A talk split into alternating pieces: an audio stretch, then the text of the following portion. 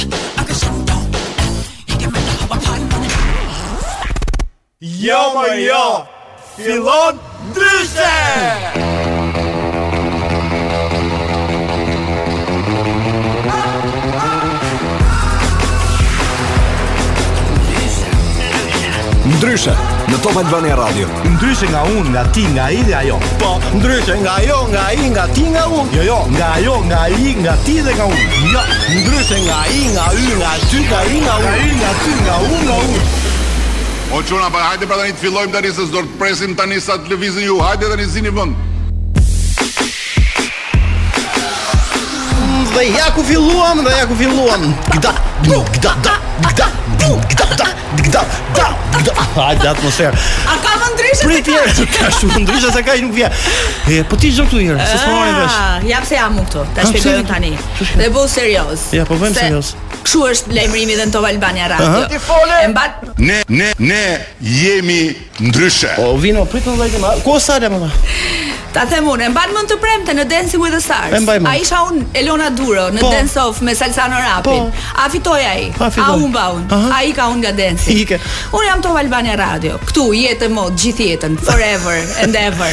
Salsano Rapi rrezikon punën te Top Albania Radio sepse është në Dancing with the Stars në Super Prova që është i si themi i mbërthyer aty gjithë masditen. I strapacuar. Harron, harron. Harron i shkreti që dancing mbaron edhe 2 muaj. Pra Elona por... ta deklarojmë pra që ndryshe sot do të jetë në drejtimin tim dhe të Elona Duros këtu jo bashkë. Dhe jo vetëm jo sot, dhe jo vetëm sot. Pra Salsa kujdes sepse Elona Duro ka ardhur të të marrë vendin e punës. Salsano Rapi është në dancing with the stars të bëhet gati për të premten që është një mhm. super natë impenjative, do të jetë nata e kërcimeve, kolona zanore të filmave më të bukur dhënë edhe në platformën e shqiptarëve në Digitalb. Unë me shumë kënaqësi e zëvendësoj sot në një program të cilin e kam pas fiksim ta prezantoj. Ja. Por zoti. Ja pra po. ku si e sjell fati si si. Më jep pak numrin që ke patur në Dancing with the Stars. Në më Vaj vaj. 14. 14 votoni këtë të premte 14 sepse është një apo jo. Jo, jo mos harxhoni lekët tona te 14 ai. Votoni 14 dhe jo 11. 11. E pra. Pa e di di numrin. Po pra. Ah, se ti ke votuar për mua, edhe pse ke patur Salsanon përballë.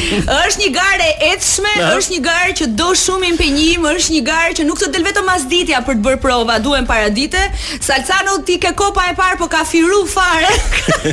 Mirë, Elo për gjithë që janë kuriozë të dinë se ç'ndodh në prova, sepse besoj se kanë kuptuar dhe njerëzit që pse Salsano është Puntata e dytë që nuk vjen për këtë arsye pra për provat e Dancing with the Stars. Për këtë arsye, Salsano është është si kokrra e mollës, uh -huh. është mirë me shëndet, ka shumë angazhime yeah. përveç Top Albania Radios ai i shkreti është edhe në Portokalli në fundjavë. Ja, po, uh, po Dancing with the Stars uh -huh. uh, të duket sikur ai 1 minutë e 30 sekonda që ty të jepet në skenë për të performuar, Thua ti, nga shpia, nga krevati, nga divani, ëh, mo se një minutë kërceu, o Ad, për Zotin, për atë një minutë, ti duhet të punosh mëngjes, drekë, darkë. Çfarë bëjmë ne mëngjes, drekë, darkë? Kërcejmë! Kërcejmë! Unë i uroj shumë fat gjithë atyre që janë ende në garë, Salsanos po ashtu në veçanti,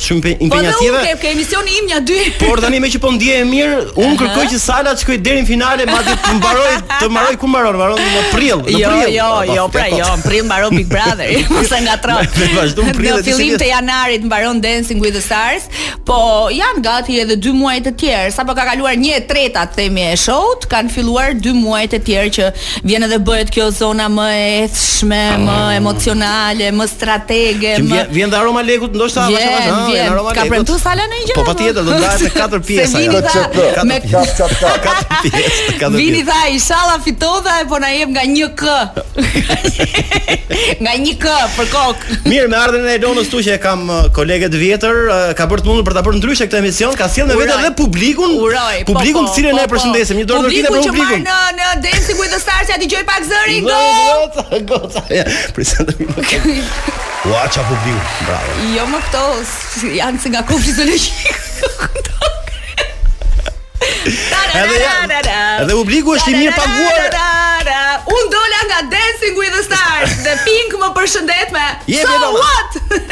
Ne jemi ndryshe. Po patjetër, patjetër. Uprising Muse sapo dëgjuam. Ai është ndryshe jemi ne, s'na shqetësojnë shumë hallet e Jennifer Lopez. Jo, prit një sekond sepse kam të bëhemi pak serioze, Elona. Kështu që un kam një lajm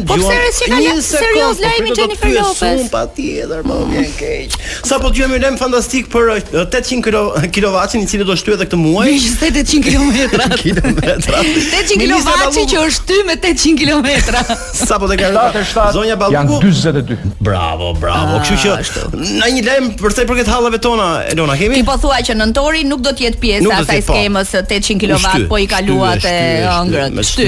Pra, kjo si pasojë e çfarë, rurjeve, reshjeve apo s'ke më shumë informacion sa kaq. Ti thjesht të mjaftoi një kafe live ku ishim ulur aty poshtë, një ekran super i madh ku ministrja Balluku doli edhe tha as për nëntorin nuk përfshiheni. Po. Nuk e nuk e merrni këtë ofertë. Nëse do të do të vazhdojë të ketë nuk do të ketë reshje Elona, është gjetur një zgjidhje ajo që dihet gjithmonë pra që do mblidhen shumë njerëz buzë lumit dhe do bëjnë çfarë do bëjnë? Rafting. Fresk. Jo, jo. Të kapin një. Sa mund të shtojnë nivelin e lumit? Opa! A ti ç'ke mendjen aty. Jo, kështu kështu flitet. Kështu flitet, ë? S'ka më tualete.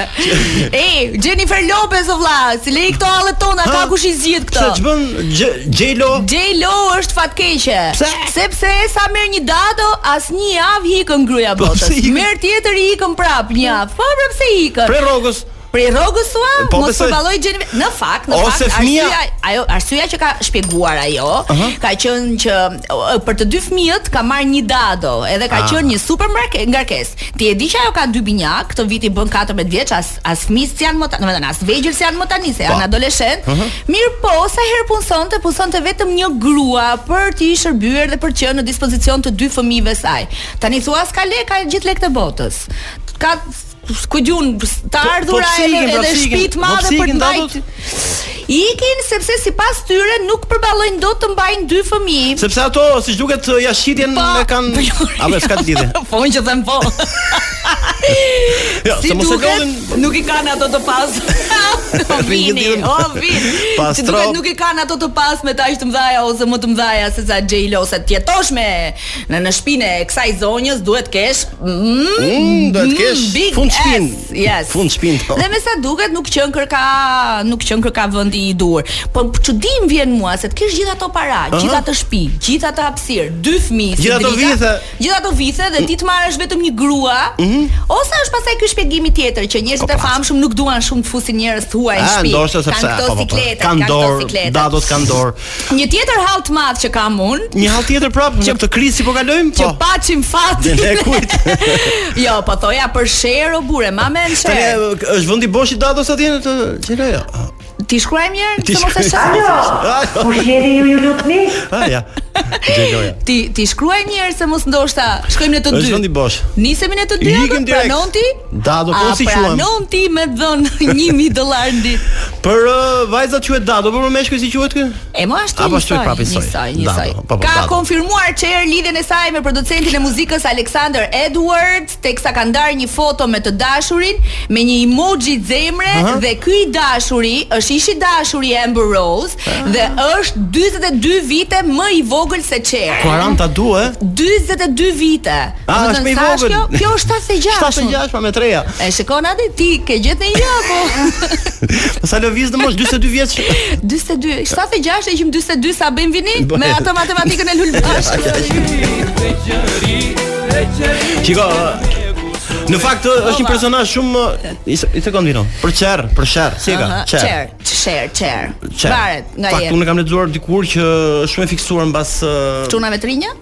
Çuna më të rinj dhe Ti sa je Adi? Më kot, kam kuriozitet. 54 bëj tani. A mos u tall? Po. Mos u tall. Ja. Ua, dukesh fare plak.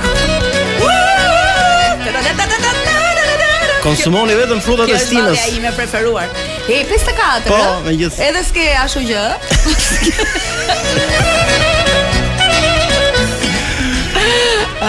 Tu jemi në përballje me disa sajte që duhet të themi martesa apo beqar. Keni pa asgjë akoma. Keni pa asgjë akoma. Të raft fati i këtij muzikanti o zot. Le të jetë 76 se po, le të lejë testament. A ka Tirana sherr pa po mirë? Mm, ka më të ska. Ku është? Ka bur. Jo ka shumë, po gjen, gjen me e pyet me kërku gjen. Y, ça do na vë Vini tani? Ja pra kjo është, kjo është ajo që flas. Ku na çon DJ Vini tani? Tek Believe. Çer, një mijë e nëntëqind e nëntëdhjetë e nëntën, sa kohë kishte, Vin, që ishte hap Top Albania? Dy orë. Një, një vit, nëntëdhjetetetën. Dy orë, thotë ky gjuhati. Do me thënë, ej, shkojmë miq të dashur shumë pas në kohë, digjoni një nga super hitet e atyre viteve, Believe, kjo është Çer, ne kthejemi në Ndryshe pas pak. Everything's gonna be alright, po këtë Shakira e tha para se të ndahej me Pike, se pastaj erdhi monotonia. E, ka filluar nuk e se takohen sërish për të ditur. Ne na vjen mirë. Mirë, vjen si lajm po sepse sapo e vendos mua dhe Elonën Angela, mora vesh lajmin e fundit.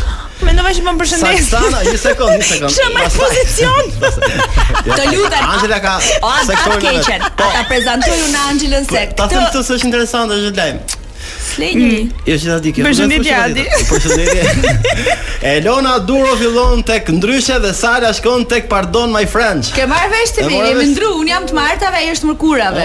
Me kismet. Mendoj se as të mërkurave me të E gjeti, as të mërkurën, se ka ik fare nga radio, plak. Se kshu fillon me çesme. Po të mërkurën jo e jo, se ne kemi prapë prova. Prova gjenerale.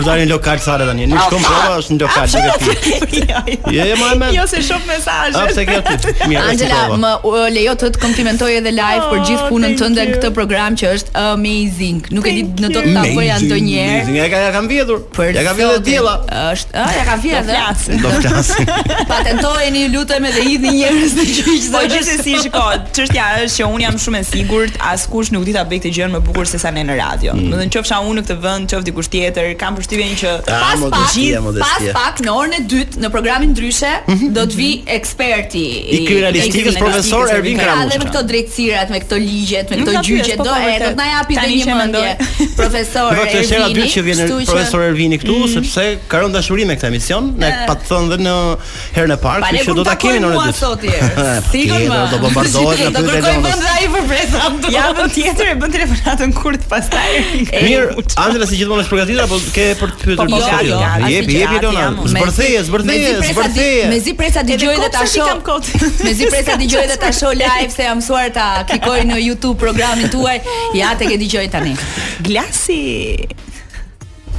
Ne jemi bërë gati, si çdo javë, domethënë un jam bërë gati emocionalisht. Tani është një që mos të qesh. Është një pauzë pak emocionale sepse bëhet dialing tani, i bie numri i telefonit, nuk e di ku do shkojmë.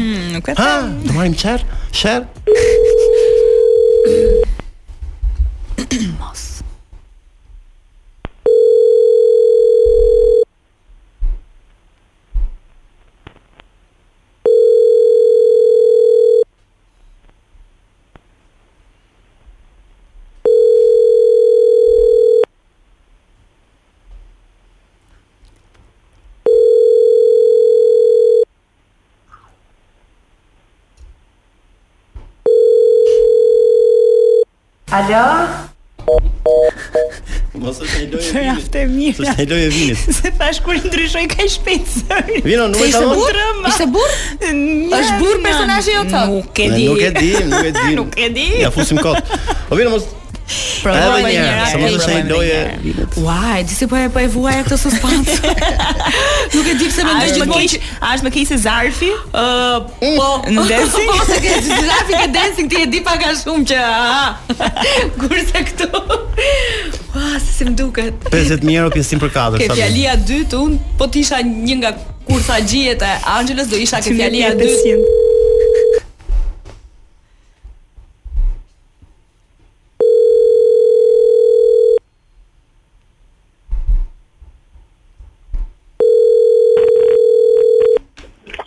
Alo. Alo, përshëndetje. Përshëndetje. Si jeni? Flas me zotin Mentor Haziri? Po, kush jeni? Ë, uh, gëzohem, unë jam Eni, marr nga Bashkia Tiranë. Wow, Eni, si jeni? Mirë, faleminderit. Ju si keni qenë? Mirë, ja, bizi, bizi. Kështu sa po përfundum xhirimet një video klipi, prandaj edhe s'të lajmërova se isha bizi. Ah, okay, jeni i lirë tani? po, po i lirë tani okay. u lirova. Uh, shikoni, ne kemi menduar në fakt të bëjmë një uh, koncert për datën 4 dhjetor, që është Dita Ndërkombëtare e Kafshëve. Mm, e kemi marrë shumë seriozisht këtë vit për um, për të bërë këtë koncertin në Kopshtin Zoologjik të Tiranës. Afër uh, afër asaj zone. Tani ideja është që ne duam që ju të performoni në koncert, uh, secili set përmban um, katër këngë tuajat, diku te okay. 12 minuta në në total. A jeni uh, dakord? Domethënë keni dëshirë që të bëheni pjesë e koncertit? Po, me shumë qejf, definitivisht, dhe veç më duhet ta, më duket në ato datë nuk është që jam i zënë, më duket jam i lirë me katër, nuk do bëja zë. Ok, super. Jam fri, po...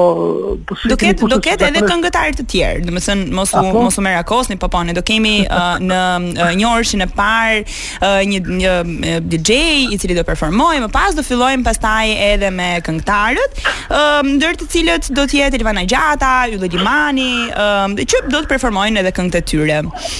Vetëm se kemi kemi edhe një një si tip kleçke, le të themi. Tani meqenëse është dita ndërkombëtare e kafshëve, ë uh, kemi menduar që në skenë secili të ketë nga një kafshë të kopshtit zoologjik. Okej. Okay.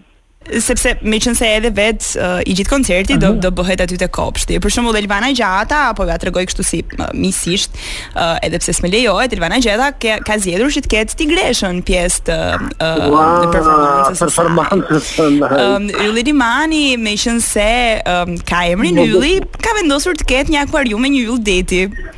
Ok, super. Tani ne na duhet që ju të zgjidhni mes uh, mes kafshës që keni dëshirë për të pasur pjesë të, të performancës. Dhe uh, po, mm -hmm. ato e mendoj ato definitivisht një detaj. Vetëm që duhet t'ju them se cilat janë kafshët që kanë ngelur, se ngaqë janë shumë këngëtarë. Edhe ne janë përzgjedhur shumica e kafshëve. Ok, çfarë kanë mbetur atë? Atëherë kanë ngelur një buf,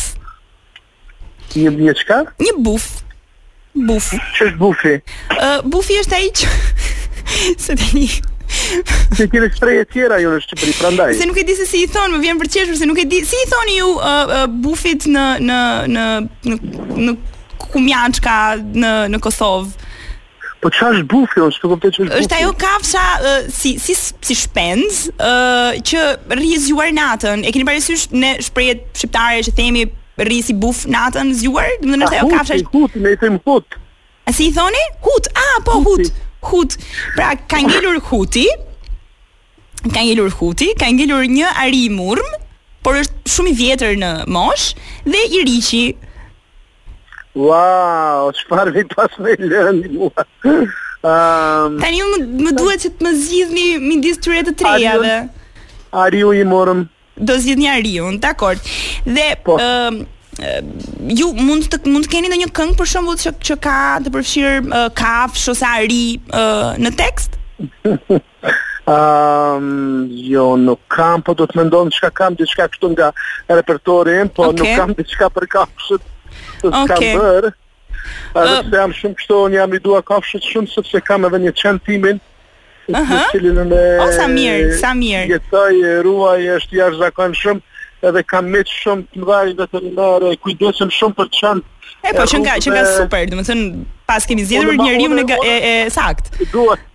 Unë dal blej ushqim për qen dhe shkoj nëpër të gjithë vendet që janë edhe është e çuditshme kur dal në qytetin tim në Ferizaj. Super, këtë këtë mund këtë mund ta thoni edhe pasi të mbaroni performancën tuaj, se për ne është shumë e rëndësishme t'ia tregojmë qytetarëve që kafshët duhet t'i duam edhe duhet t'i pse jo t'i kemi nëpër shtëpia. Madje, ëm sa i përket buxhetit, se e di që mbase është jo etike ta po. diskutojmë uh, nga nga telefoni, ë uh, buxheti që ne kemi menduar është t'ju japim një klysh për 3 muaj në shtëpinë tuaj të cilin normalisht po një një klysh të vockël, ë uh, ariu, meqenëse ju zgjodhët ariun, ë uh, për ta mbajtur 3 muaj në shtëpi, por pastaj duhet ta riktheni se mund të bëhet shumë i madh edhe mund edhe t'ju kafshojë, mund të bëhet i rrezikshëm.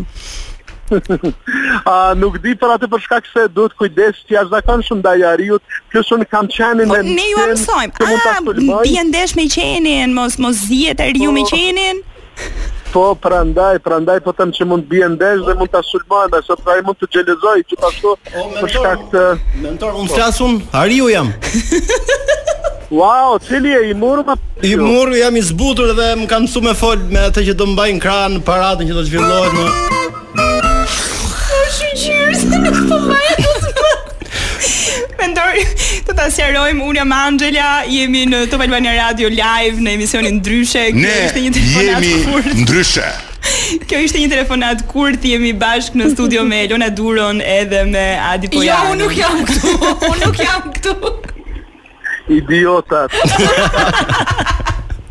në fakt ky emision duhet të quhet Idiotat. Jam shumë dakord. O Mentor, o gjigant, mirë ne idiota, po ti fantas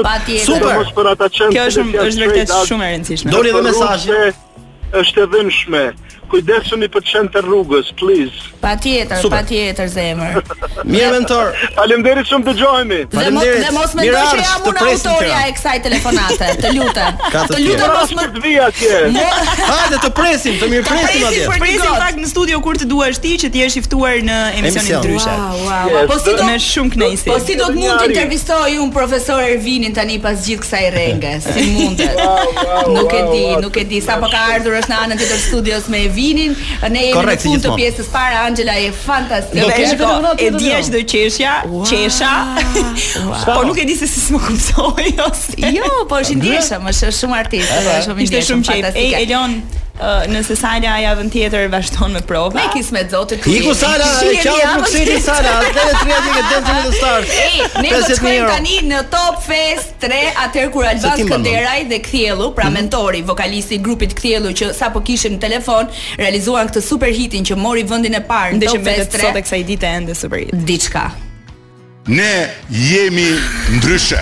Jemi ndryshe patjetër. Jemi rikthyer Elona. Jemi ne, po shih si e ndrojmë dhe ne timonin e emisionit, ë? Në pjesën e parë ishim Kosovë, ca rrena andej, pastaj jo showbiz ndërkombëtar dhe dua të them tani para se të riprezantojmë profesor Ervin Karamuçon, të cilin e lançuam edhe në orën e parë, mm -hmm. që të gjejë mirëkuptimin tonë, të presë Elonën dhe Adin në një intervistë që për herë të parë në kështu në në fushën e kriminologjisë, penologjisë, ku e di unë tjetër, kriminalistikës, uh, profilizimit kriminal. Gjithë që kanë si kriminal. Si je profesor kënaqësi të kemi në studio, është hera e dytë që vjen, e citova dhe më lart, kështu që le të ndajmë disa gjëra që gjithmonë Profesioni juaj është gjithmonë koherent në çdo ditë që mund të flasësh, se mund të flasësh përditë apo jo. Se ka ngjarje të përditshme. Eh, fatkeqësisht po.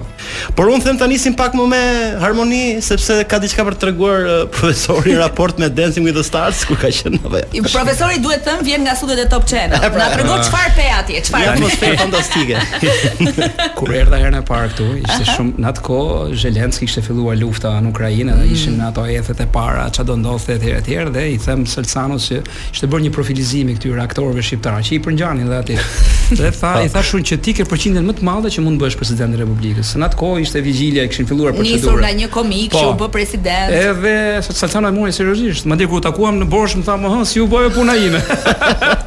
dhe më pas Ai seriozisht e mori sa si ajo filloi kërcimi. Po, presidenti u emërua, s'ishte Salsano, më pas te primaret kryetar bashkie as aty s'i doli emri. Tani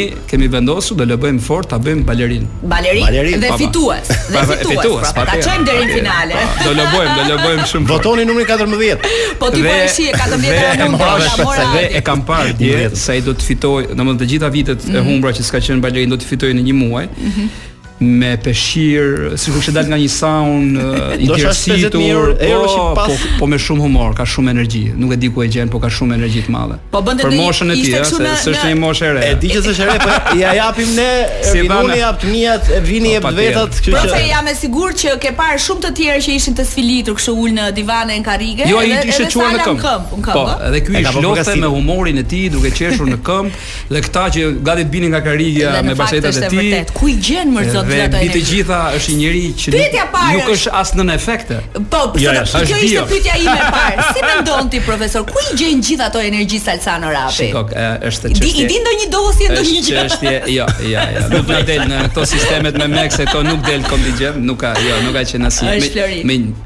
Megjithëse është nga Elbasani, nuk del në po asnjë kombi. Jo, jo, nuk. Ai merr jo. rakin jo. me hund, profesor. Jo, jo, jo, jo. Kjo qe sa për shaka. Ja, ja, pyetja ime. Është i jashtëzakonshëm. Pyetja ime e parë nisur edhe nga disa shkrime dhe intervista të tua së fundmi ka të ah. bëjë me këtë emigracionin tonë për në Londër, se duket si Duket e thënë shumë emigracion duket sikur është fjala më e mirë e thënë për këtë rast. Po për këto çunat e Londrës, për këto çunat që shohim vërdall, për këto lidhjet e tyre, për këto të rinj që po ikin edhe në mënyra nga më monstruoze dhe të frikshme dhe po ndërtojnë diçka atje. Çfarë po ndodh? Edhe Daily Mail kish kish bërë një shkrim lidhur me Me me këtë situatë ku i cilësonte shqiptarët. Kam komunikuar me tre nga këta gazetarë të huaj, po së fundi kam ndërprerë komunikimet sepse i thashë zotëri kjo është tashmë është një çështje politike. Janë përplasur të dy qeveritë tona dhe mbi të gjitha po cenohet integriteti i shtetasve të mi, unë jam bashkombas i tyre. E, në momentin që ata në parlamentin anglez, në Westminster fillojnë dhe etiketohen si kriminelë, jo, unë nuk mund të flas, nuk mund të jap dot asnjë specifikim qoftë në kuptimin kriminologjik. Është e pamundur. Megjithatë shumë prej këtyre gjërave që unë dëgjoj. janë janë legjenda urbane. Jo nuk mund të jemi. Jo, pra, me thatin po digjë të njëjë. Janë të, jo, jo, janë legjenda urbane. Vërtet si çdo popullsi edhe ne aty kemi një përqindje të caktuar, por shumë minimale që ne. Po nuk kemi ne ato të këqijt, do të jo, thuash jo, ti. Jo, ajo është një çështje e politikës së tyre të brendshme e cila në shumë aspekte ka dështuar për të trajtuar shqiptarët siç duhet me dinjitet edhe me mhm. prestigjin, edhe me mundësitë dhe me shanset e barabarta. Jo, dhe ky është një problem shumë i madh. Më përpara ata e kanë pasur me polakët, më përpara e kanë pasur me indianët, ë, ka shumë më shumë popullsi aty që janë me me vietnamezët, që përpara se të shkonim ne kishin ata që administronin shumë prej këtyre shtëpive ose invencionin e shtëpive të barit indoor e bënin ata, dhe pastaj e morëm ne në një farë mënyre ose më mirë jemi kompetitiv sesa e mhm. kemi ne. Dhe më vjen shumë keq edhe nga ana e disa shqiptarëve, OJF-ve, shoqatave, po edhe institucioneve tjera ndërkombëtare, flitet pa ju referuar shifrave ku thuhet që kontrollojnë tregjet, kontrollojnë linjat, ja. Po mirë, që një gjë të vërtetë këtu ka, po ikin, masivisht po ikin. Po, ikja është një dramë dhe një plagë shumë e madhe e shoqërisë sonë. Dhe kur mua më pyeti herën e fundit The, the Times, një gazetar, s'ia përmend dot emrin, dhe më tha, "Kush është shkaku, profesor?" I thashë, "Mund të vizitoni Hasin dhe Kukësin." Jo më shumë qytetet sesa fshatrat e tyre. Shikoni se çfarë ka aty dhe pastaj do ta kuptoni shumë mirë shkakun. Pse zbrazen? Asnjë shpresë, asnjë mundësi, ëh, mm -hmm. asnjë motivim, asnjë model. Modeli është shumë i rëndësishëm. Kryeministri tha në një në një dalje të tij. Modeli i vetëm në një zonë rurale në Has mm -hmm. është kur shkon një G-Class me targa angleze, mm -hmm. me një njeri i veshur firmato, i cili u thotë, "Shikoni si jam veshur." Pra, po, po, po, Hajdeni mbas meje, pasurohuni në mënyrë të shpejtë. Vetëm më ndiqni mua. Linja pastaj. Dhe këtu është joshja e tundimi më i madh. Ça po bëjmë ne si institucione për t'i joshur për një model pozitiv këta njerëz? Po, po çfarë duhet të bëjmë në fakt?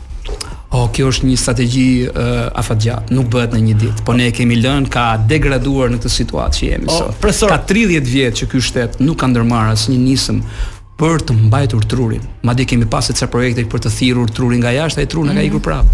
Ndejti ca vjet e pa që s'kishte në një ë, në një optimizëm shumë të madh për të shprehur vetveten, dyert mbyllen, shanset janë ë të kufizuara dhe ata që mbetin këtu janë vetëm ata që ngjisin trakte sa herë ka fushata. Okay. Po, profesor, shpresoj ta kem gabim, po unë kam një mendim timin ë Unë besoj që paqja sociale vjen vetëm nga financat. Nëse do kemi financa secili nga ne, por unë kam përshtypjen që edhe mas 50 viteve nga Shqipëria do largohen sepse ne gjithmonë në Europën do jemi gjithmonë pas. Unë kam këtë përshtypje të paktën.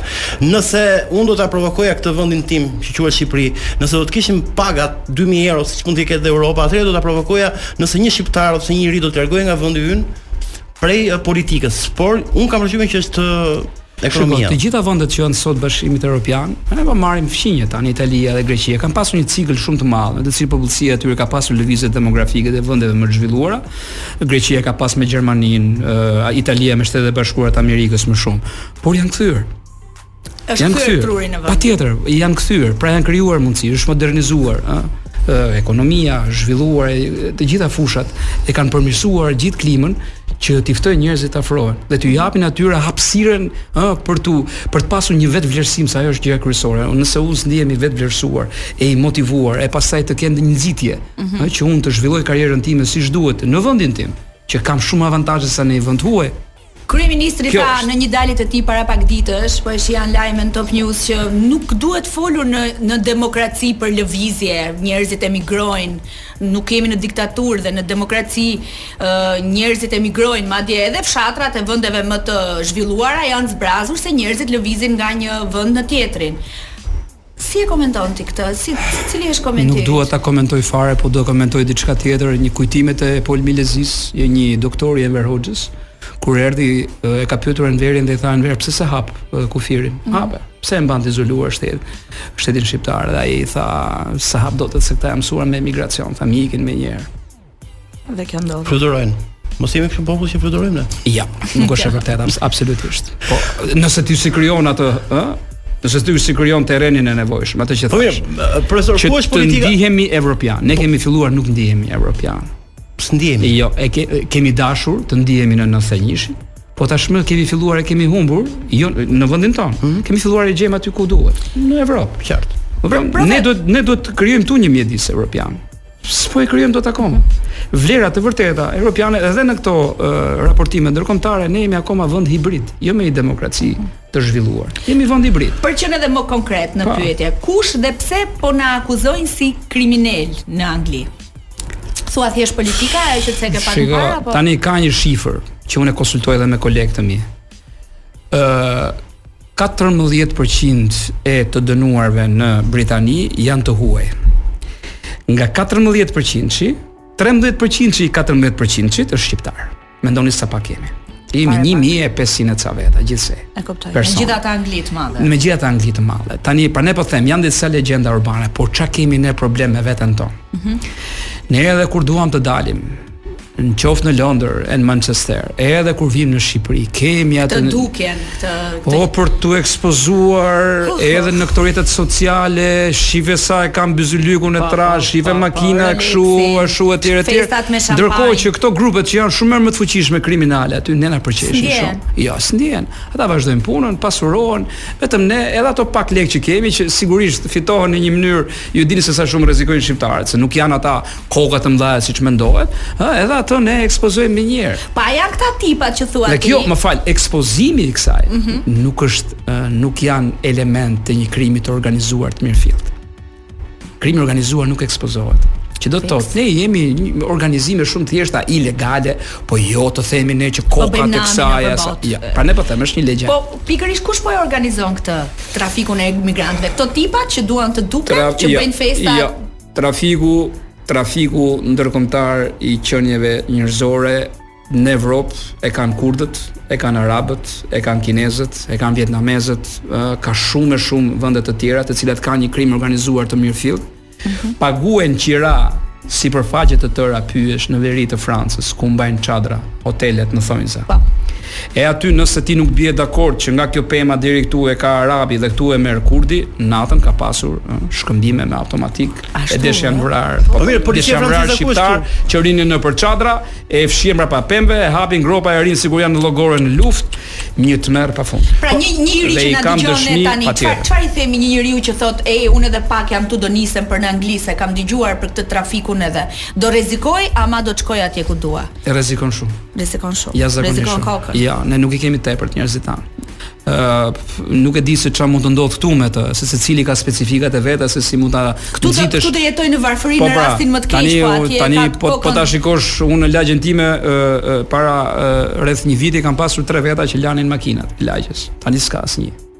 Ikën dhe lavazhierët? Ja, ja ua them se s'është më sekret, të shtunën e kam larë makinën. Ikën dhe lavazhierët? Oh. Sepse nuk po. Patjetër, domethënë është për t'i thënë këto gjëra, nuk kemi pse t'i mbajmë fshehur tani jo s'po ikin, kanë po ikin. Jo, po ikin, po ikin. Po, po ikin absolutisht. Dhe ka edhe një gjë që ata që po ikin e para po tundohen dhe joshen dhe disa prej tyre po përfshihen në aktivitet kriminal, po jo si koka të aktivitetit, por për shkak se ka një gjë. Më shumë si pre. Kur ftohen të jenë pjesë e këtij trafiku, iu thuhet që mos paguani asnjë lek. Hajdeni, punoni për ne nja 6 muaj, lani borxhet, disa prej tyre lani okay, borxhet okay. dhe pastaj mund të vazhdoni jetën tuaj normale. Dhe aty mbeten, ë, mbeten peng i dikujt. Mi, o, o profesor, më... një peng i dikujt i cili mund ta përdor atë, qoftë pra, për shpërndarje narkotikësh, qoftë për roje, po. I bën të gjitha këto kalime. Por kjo ka dhe një gjë pozitive, në thonjëza, ka dhe një gjë pozitive që disa prej këtyre nëpërmjet kësaj që këta punojnë aty shfrytëzohen, në fakt shfrytëzohen, ë uh, kërkojnë nëpërmjet aktit të punësimit skllavërus, kërkojnë azil. Dhe një gazetar po më thoshte 50%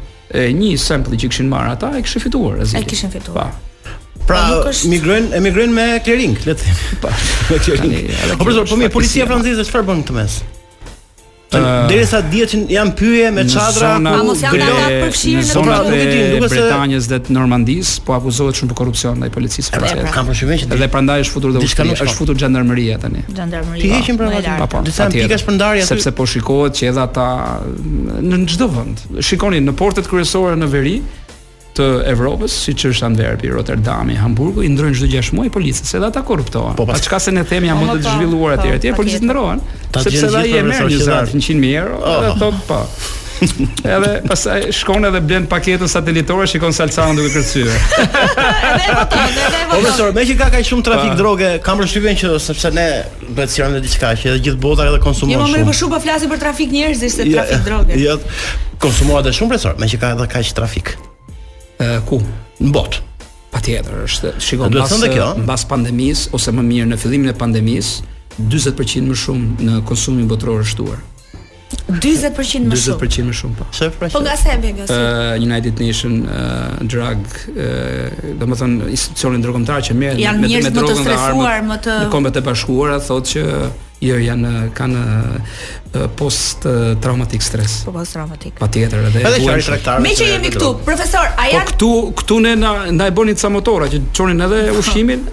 Çonin edhe drogë. Po e di. Se ne ishim gjithë izoluar në atë. Pa paqet mos e ke. Pa paqet. Po.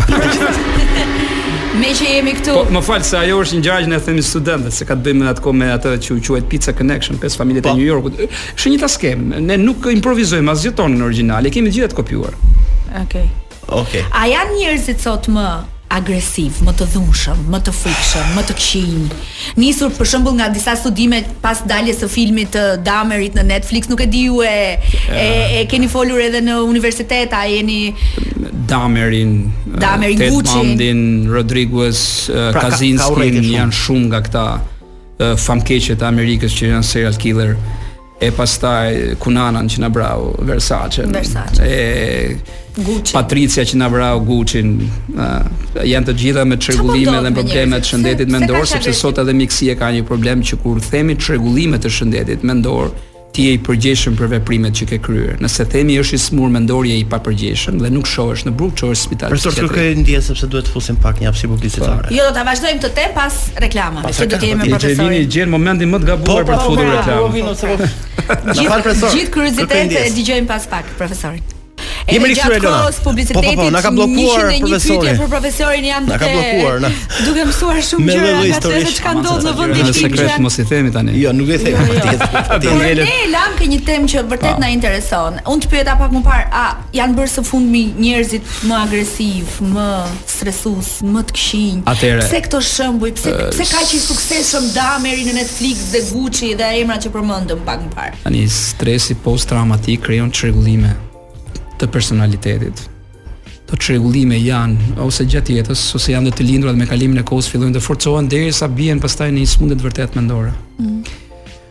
Ëh, po ne kemi diçka tjetër. Studimet e fundit kanë arritur në përfundimin që edhe këto uh, ushqimet e shpejta, junk food që ne i themi, sidomos ato çokollatë, mos i themi me emra se do na hedhin çokollatë, uh, çokollatat, e sufllaqet, mm -hmm. e mhm. këto ça ha uh, uh, rinia jonë, shpejt e shpejt. Po helmojë pra shpërbërja e menjëhershme e yndyrnave dhe karbohidrateve çon një axhitacion shumë të madh të trupit, irritim të trupit.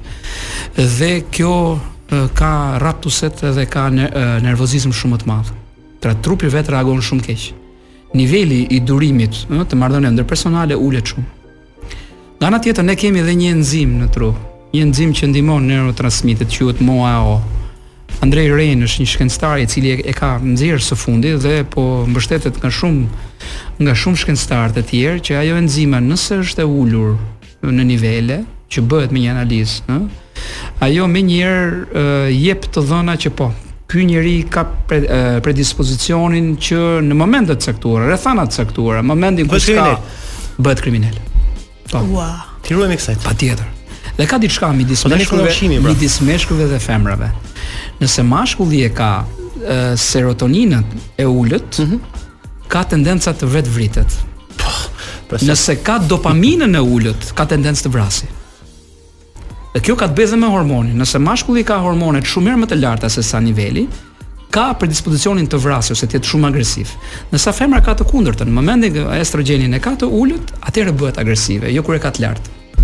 Sa e lëna? Pra dhe një mesazh tjetër dha me gjithë që janë të studiuara shkencërisht ato që thot profesori, ëh. Po ti tani t'u bësh të gjithëve analizat për të nxjerrë konkluzione, Por fillohet me një profilizim, profilizim psikologjik, ne themi profilizim kriminal, ato që japim lëndët tona. Pra, pra kur bëhen bashkë edhe ushqimi po edhe po realiteti. Po tani janë ca rrethana ti mund të jesh i predispozuar, ë?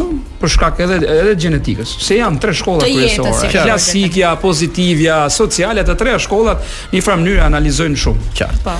Dhe ë ti mund të jesh një kriminel, i ndërtuar gjenetikisht si i tillë, i lindur, i lindur si i tillë, uh, kimikisht biologjikisht si i mhm. tillë, mm -hmm. po për shkak të rrethanave të jashtme, për shkak të jetës së shëndetshme, është çdo gjë tjetër, ti nuk bësh ato dot asnjëherë gjatë gjithë jetës. Ja, ama ti do ishe njeriu më i rrezikshëm. Por rrethanat pastaj janë të gjëra të tjera. Okej. Okay. Cila është pyetja më e ndërlikuar do thoja që të kanë bërë studentët, qoftë për këtë temë apo qoftë për për këtë situatën në vendin tonë që ka shumë lajme të zeza. Ma ka bërë një student i cili sot fatkeqësisht është dënuar me burgim të përjetshëm. Çfarë mhm. thua? Më pyeti për plumbat e akullit. Çfarë janë? Keni dëgjuar për plumba jo, akull? Jo, jo, Pse lëvizet atë? Po lëvizet. Si sa lart qoftë.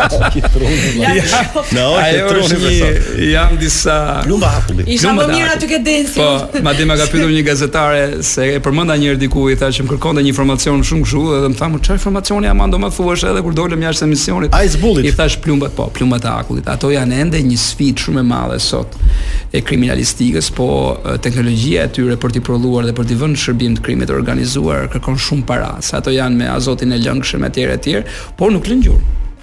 Domthon ti goditesh nga një plumb, plumbi pastaj shkrin mjedis të jashtëm në një temperaturë, gëzhojën ti e merr e administron vetë dhe nuk gjendet asnjëherë që cila armë e goditi këtë person, sepse nga plumbi do identifikosh armën. deri këtu, shikoni sa të komplikuara janë gjërat. Edhe deri ku e mendon këtë në në atë kohë ai nuk është se ka qenë në një në një nivel i tillë, po shikoni se janë edhe IQ-ja kriminale është shumë e lartë. Pse u dënuar me burgim përjetë në Edvinit? Po për shumë probleme. Për shumë probleme. Po profesor, unë kam do flas në emër të një shoku tim që është Marins, quhet Xhoni. Po. Xhoni shoku im. Po. Është Marins. Po. Është parë në fakultetin tënd. jo se ka Xhoni. ja flet jo. kot. në fakt aty u e, e kam parasysh se janë hapur dhe llafet. Okej, okay, e kuptoj. Ah. Ka Marinsa në fakultetin. Po, ka Marinsa. Ka ardhur një ditë një mund të them delegacion. i departamentit të shtetit, i law enforcement që kanë të bëjnë me sidomos me drogat, po edhe që ndjekin aspekte kriminologjike dhe ka ardhur dhe një përfaqësues i gardës kombëtare të New Jersey. Dhe ai nuk erdhi civil, erdhi i veshur ushtarak, gjithë studentët ngelën thanë wow, po ky seç ngjan tamam nga ata që kishin parë nëpër filma. Edhe ai ishte edhe shumë kështu nga këta bodybuilding goxha i i palestruar edhe hym ata kanë një po na mbështesin shumë për të krijuar qendrën e parë të studimeve kriminologjike, mund të bëhet edhe qendër rajonale në Fakultetin e Drejtësisë në Tiranë. Do jetë një gjë njësi shumë e madhe që sa herë ne do flasim për krim të organizuar, do flasim për shifra e statistika, nuk do t'i referohemi më raporteve ndërkombëtare, po do kemi një qendër think tank. Ja një lajm të mirë. Brenda jetës tonë akademike, po dhe për të po na ndihmojnë shumë me mbështetjen edhe të OSBE-së, po ndihmohemi shumë për krijimin e kësaj qendrës. të flasim me shifra, se edhe kur flasim për ta Anglia e kjo ajo flasim me legjenda urbane, e flasim me gazetarë. Mm -hmm. Me burime gazetare. Profesor, sa gjasa ka të fillojë lufta në Kosovë? Larg qoftë. Larg po, qoftë. Po, uh, interesi i Putinit është të krijojë një vatër të dytë. Nga, nga një e bën në Ballkan. Po po, vatra e dytë në Ballkan do jetë. larg, ë, tamam po, po, larg po. qoftë, po që ka menduar për Bosnjën, sidomos për Republika Srpska, aty ka një Dodik i cili është non grata në Shtetet e Bashkuara të Amerikës, ai fitoi zgjedhjet për herë të tretë, i manipuloi kësaj radhe, opozita shumë e acaruar. e ai ka thënë unë duhet të bashkohem me me, me Serbinë. A e shikoni se çfarë provokime po bën? Ndërkohë kemi ë Malin e Zi, i cili është një në krizë politike në kuptimin e marrëdhënieve që ka me me kishën serbe dhe me problemet që ka, por veriun e Kosovës e kemi shumë problematik. Unë pata një takim në në televizionin në, në Top Channel, një takim shumë të shkurtër me ministrin e Brendshëm të Kosovës, edhe veriu është i mbushur dhe me rusë që janë gati për të ndërhyrë edhe për të pa po, veriu i Kosovës. Janë operativë rusë përveçse 48 baza ushtarake serbe. I doli fjala tani di... ne themi për Vuçiçin që shkon te procesi i Berlinit e është perëndimore etj etj nga ana tjetër kur bën një edhe një trajnim ose një operacion stërvitor që bën me ushtrinë, e dini si ia kanë titullin? Vllazëria sllave. Tani ç'është ky që na bën këto tani në mes të Evropës e do që hiqet si perëndimor krijon këto lloj atavizmash famkeqe që e dihet fundi në '99-ën se si përfunduan këto histori. Vllazëria thotë se vllazëria dhe bashkia kanë bashkë. Vllazëria sllave bën stërvitje ushtarake me emrin vllazëria sllave. Po ç'është kjo? Teknologjinë e ka marrë nga ata e gjithçka dhe këto tani janë provokime. Mm -hmm. Provokime se sa, po aty nuk e lë KFOR-i, Shtetet e Bashkuara këto, domethënë ka një deterrent shumë të fortë nga ana e gjithë këtyre forcave aleate perëndimore, pastaj edhe ne jemi të NATO-s, Mali i Zi është në NATO, pra, Maqedonia e Veriut. Ka gjasa apo nuk ka? ka provokimin e ka shumë të fortë, por maturinë e ka shumë dhe forcën e ka shumë të madhe. Ata e dinë që epërsia e forcave të NATO-s përfshi Shtetet e Bashkuara që janë lider i kësaj, shumë herë më e madhe se sa e tyre. Mm. Ata e dinë këtë. Po thjesht mund të krijojnë një dhe tani çfarë po bëjnë? Nga targat i kanë lënë targat së fundi, se po lexoja. Po rroqën, a? Jo, jo, jo, i kanë lënë targat, nuk po i përdorin më si konotacion mm -hmm. të përditshëm të konfliktit, po po thonë tani mirë që ikën policët serbë, nuk duan të na vinë policët kosovarë. Domthonë këta duan një 97 që mos ketë asnjë polic nëpër rrugë, Ëh, dhe të jenë vetëm këta, të bëjnë kontrabandën me ushqime, me armë, çdo gjë ta bëjnë nga Serbia dhe ja, shikoni pra, ndërkohë që aty ka një detyrim për integritet territorial nga ana e Kosovës, qeverisë së Kosovës dhe ky është një debat që po ndodh aktualisht. Po i del fjala, ditka, ish diktatorit profesor që Ballkani fuçi baruti. Po më duket se nuk e ka thënë ky. S'e ka thënë ky. Jo, s'e ka thënë ky. Ë Bismarku, po dhe Churchill e tha një herë, po që meqenëse ne kemi kopjuar gjithkohë. Ne ne atëherë dini si thoshin të tatanët, po që po, Ballkani, një Ballkan i destabilizuar është një Evropë e shkatërruar. Patjetër. Edhe intereson çik të jemi kështu. Po, nëse do të zgjidhnim të ndanim ca lajme të mira nga mm -hmm. puna jote, nga fusha jote, nga jeta jote. Çfarë? Shumë kemi bërë një konferencë uh, së fundit shkencore ku është trajtuar gjerësisht një problematikë që shumë pak prindër e njohin edhe vetëm kur ka tragjedi thonë e zeza pika dy ditë dhe pastaj e harrojnë që janë vrasjet Ose më mirë vdekjet e fëmijëve nga lojërat në rrjetet sociale. Oh. Ne vjet na kanë vdekur dy fëmijë, njëri 10 vjeç, njëri 13 vjeç. Shqipëri, këtu, me sfidat e TikTokut. TikTokut. Po. Dhe ne kemi bërë kërkim të mirëfilltë, edhe me eksperiencë ndërkombëtare dhe kemi thënë që çfarë masash duhet të marrin institucionet shqiptare. Vjet tha ministria e arsimit në atë kohë që do hapim një debat publik të madh, kjo çështje do merret mbas vdekjes së djalit të dytë, mos gaboj në Lushnjë. u harrua. Tani çfarë presim ne? Se edhe këtë vit ka ndodhur një ngjarje, por një tentativë, por shyqyr e kanë kapur në kohë djalin dhe ai nuk ka vdekur. Ka qenë edhe ai në në blackout challenge që quhet sfida e e varjes. Po mirë, profesor, mos duhet të themi në vitin 0 profesor sepse teknologjia nuk ndalon më. Kjo rrjetet jo, sociale jo, do jenë. Jo, na ka ndodhur në Itali, si në Sicili ndodhi e njëjta gjë, ndërhyri autoriteti e, që kanë ata për këto mbikëqyrjen. Ata kanë dhe polici postare, ne s'e kemi policinë postare. Mbrohen. Që kanë edhe po po, e mbrojnë dhe ata, po edhe autoriteti që i kontrollon këto media, mm -hmm. mbylli të gjitha llogaritë që janë pa identifikim moshe. Pra mori një masë, ndërkohë që janë shumë të mbikëqyrur, sepse ata kanë dhe mësues, kanë dhe punonjës social, kanë dhe psikologë nëpër shkolla, japin emisione gjithë kohën sensibilizojnë opinionin publik, ne s'i bëjmë fare këto. Ne bëjmë nga një konferencë shkencore, japim disa rekomandime dhe s'na dëgjon askush. Pak zënë televizionin. Patjetër, kjo është detyra jonë. Detyra e akademikëve, universiteteve etj etj, ë, pavarësisht këto kohë që kemi pas edhe probleme, jo pagat, jo kjo, që deri diku qëndrojnë, kjo është detyra jonë, që ne të nxisim shoqërinë dhe institucionet që të jenë më të përgjegjshëm. Profesor, keni studentë të mirë? Ka shumë të mirë. Po, ka shumë të mirë. Ja zakonisht, a për këto tonat po. Po i them gjithmonë, shikoni, realiteti nuk është ai që ju njihni dhe shikoni nga televizori dhe ajo mhm. që lexoni aty. Do të keni stomak shumë të fortë. Se më ndodhi një herë që mora disa studentë dhe i çova Te mjeku për autopsi. Ha, për të parë. Po, nga... dhe filloi ajo procedura, që është protokolli. Kur kthej kokën mbrapa s'kishte ngelur njeri. Ti kishin një kishin dalë, po po kishin dalë më një. Se dhe mjeku që po kryente autopsinë po. tha, tani fillojmë në fazën abdominale ku mund të ketë edhe disa gjëra, përmendi disa nga ato. Ata ikën të gjithë, dolën për jashtë dhe i thashë e kuptuat tani. Pra, është profesioni. Sepse aty ku do jeni ju nesër në një vendngjarje, ku mhm. flasim për kriminalistikën. Aty në njërën anë është kufoma. gjaku. Nga ana tjetër ulërasin familjarët, tjetra ti do të ndërmarrësh një protokoll për të ë për të fiksuar vendngjarjen, për të fiksuar provat. Për të kapur dëshmitarët, ata mund t'i bien të fikët, kanë pësuar një traumë mend se kanë qenë aty okular, e kupton? Të gjitha këto i përballoni dot ju. Dhe po shikoj një tendencë të tillë më përpara, ne kemi pasur femrat që ishin për çështje civile, private dhe meshkujt për punën publike dhe penale.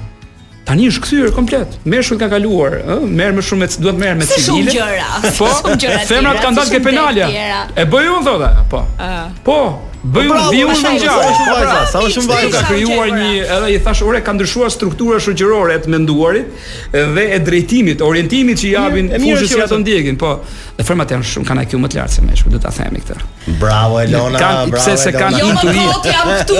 Kanë intuitë, kanë intuitë, kanë intuitë më shumë. Intuitë. Dhe intuita sidomos në këto hetimet e këto është është një nga elementët që ta avantazhon shumë.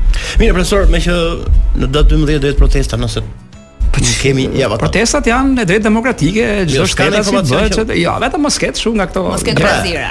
Më të keq. Jo, këto nuk nuk i kem, nuk janë. Shiko, ka dhe një, jo, ka dhe një. Jo, njerëz që ç'do të ndodhë jo, sepse ka dhe një, jo më, nuk më parashikojmë ne tani çfarë do ndodh, se nuk është më ajo kohë siç ndodhnin dikur, ah, po Ka dhe një merak nga ana e ndërkombëtarëve që kujdes se nuk duhet krijuar akte e kështu destabilizimi e këto sepse nuk është mirë sidomos këtë situatë mhm. kaq vetëm për këtë pa s'është gjë tjetër të bëj të protestoj kush të dojë këto është një drejtë demokratike e gjithsecilit vetëm brenda ligjit brenda gjithë rregullave e fundit se na ra gongu nga Vini a mund të vi unë me Adin ndonjëherë në auditorin tënd një ditë për qejf ju dëgjoj siç ju dëgjova sot në radio unë siç kisha menduar për të bërë dikur president e tashmë kërcimtarin e parë Fitus Salsano, Adin do ta bëj asistent pedagog po në kriminalistikë. Po mua prima balerina. Se Adi është një nga shembujt e gjallë të suksesit me shumë vlera shoqërore se si një njeri faleminderit profesor. Kërcen mbi vetveten edhe bëhet ky që është sot, është një shembull.